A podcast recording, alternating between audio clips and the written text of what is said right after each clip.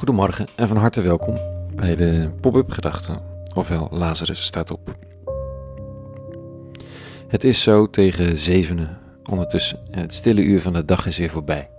Ik schrijf zo tussen zes en zeven, of eerst lees ik, eerst koffie eigenlijk, dan rustig lezen wat de bijbelteksten van de dag zijn en dan schrijven wat er opkomt om dit dan te delen.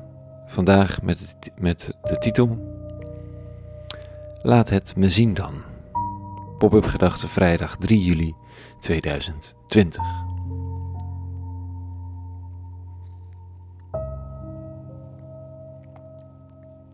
De motor van geloven is twijfel. Zonder dat komt er geen beweging in. Ik dacht altijd dat het zekerheid was, dat alles op de been hield, maar daar twijfel ik nu dus aan. En dat helpt. Het verbindt me met al die mensen die het ook niet zo zeker weten. Het verbindt me ook met de eeuwige. En het is niet zomaar twijfelen, het is niet zomaar je losjes afvragen of er wel een God bestaat. Het zal een eeuwige vraag zijn en onbeantwoorden ook. Al is er voor mij extreem veel reden om erop te vertrouwen, toch is het weten ervan buiten mijn bereik. Maar het is niet alleen twijfel, twijfel aan bestaan van de eeuwigheid, het is vooral twijfel aan de wereld, aan de zekerheden van het leven, twijfel aan de moraliteit van de mensheid, twijfel of dat wat goed is ook werkelijk goed is, onzekerheid of de vraag of dat wat we zien om ons heen wel alles is wat er te zien is, of dat er achter de werkelijkheid, zoals die zich aandient, niet iets anders schuil gaat. Twijfel aan mijn eigen goede intenties, twijfel ook aan vermeende slechtheid van mezelf en van de mens aan zich. Het is allemaal niet zo zeker. En dat is precies waar geloof over gaat. Je conf laten confronteren en bevragen door een hogere werkelijkheid, waar je slecht, slechts glimpen van opvangt. En gedreven twijfel brengt geloven en weten in beweging. Kijk, de wetenschap bijvoorbeeld is de plek van twijfel. Daar worden eerder vastgestelde waarheden onderzocht en aannames bevraagd. Met reden altijd. Er is altijd bijzonder goede reden om een hypothese te doen, maar het moet wel onderzocht.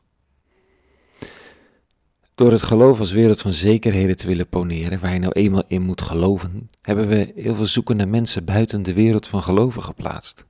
Terwijl de zoektocht een inherent onderdeel is.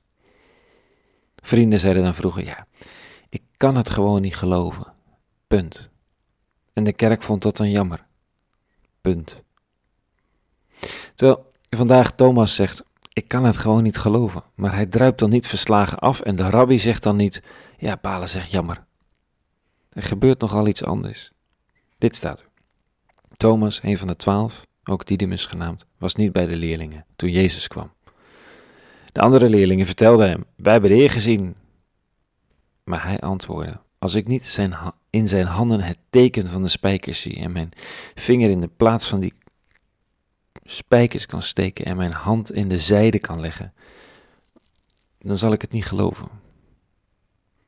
En dan is acht dagen later, hoewel de deuren gesloten waren, kwam Jezus binnen, ging in de midden staan en zei: Vrede zij u.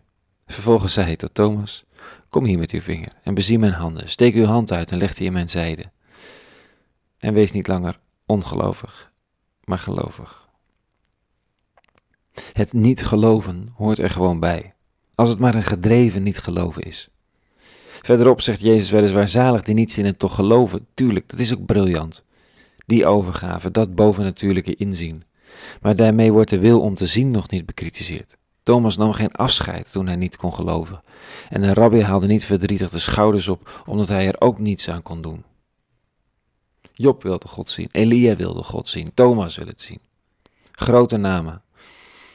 Die bijvoorbeeld gefrustreerd over Gods handelen of gedeprimeerd over de afwezigheid van Gods handelen, de eeuwig onder ogen willen komen. Zij gingen de strijd aan. Wee degene die de zoekende mens veroordeelt, die de strijd aan wil gaan. Zoeken, twijfelen, gedreven twijfel. Niet het lamlendige, ja ik weet ook allemaal niet hoor, laat me zitten. Maar het willen weten omdat je niet zomaar gelooft. Dat is een belangrijk onderdeel van wat geloof is. Tenminste, dat denk ik. Een hele goede vrijdag gewenst. Het is tijd voor weekend. Maandag straks dan. Hè. Maandag weer terug met een nieuwe pop-up gedachte. En voor nu, vrede en alle goeds.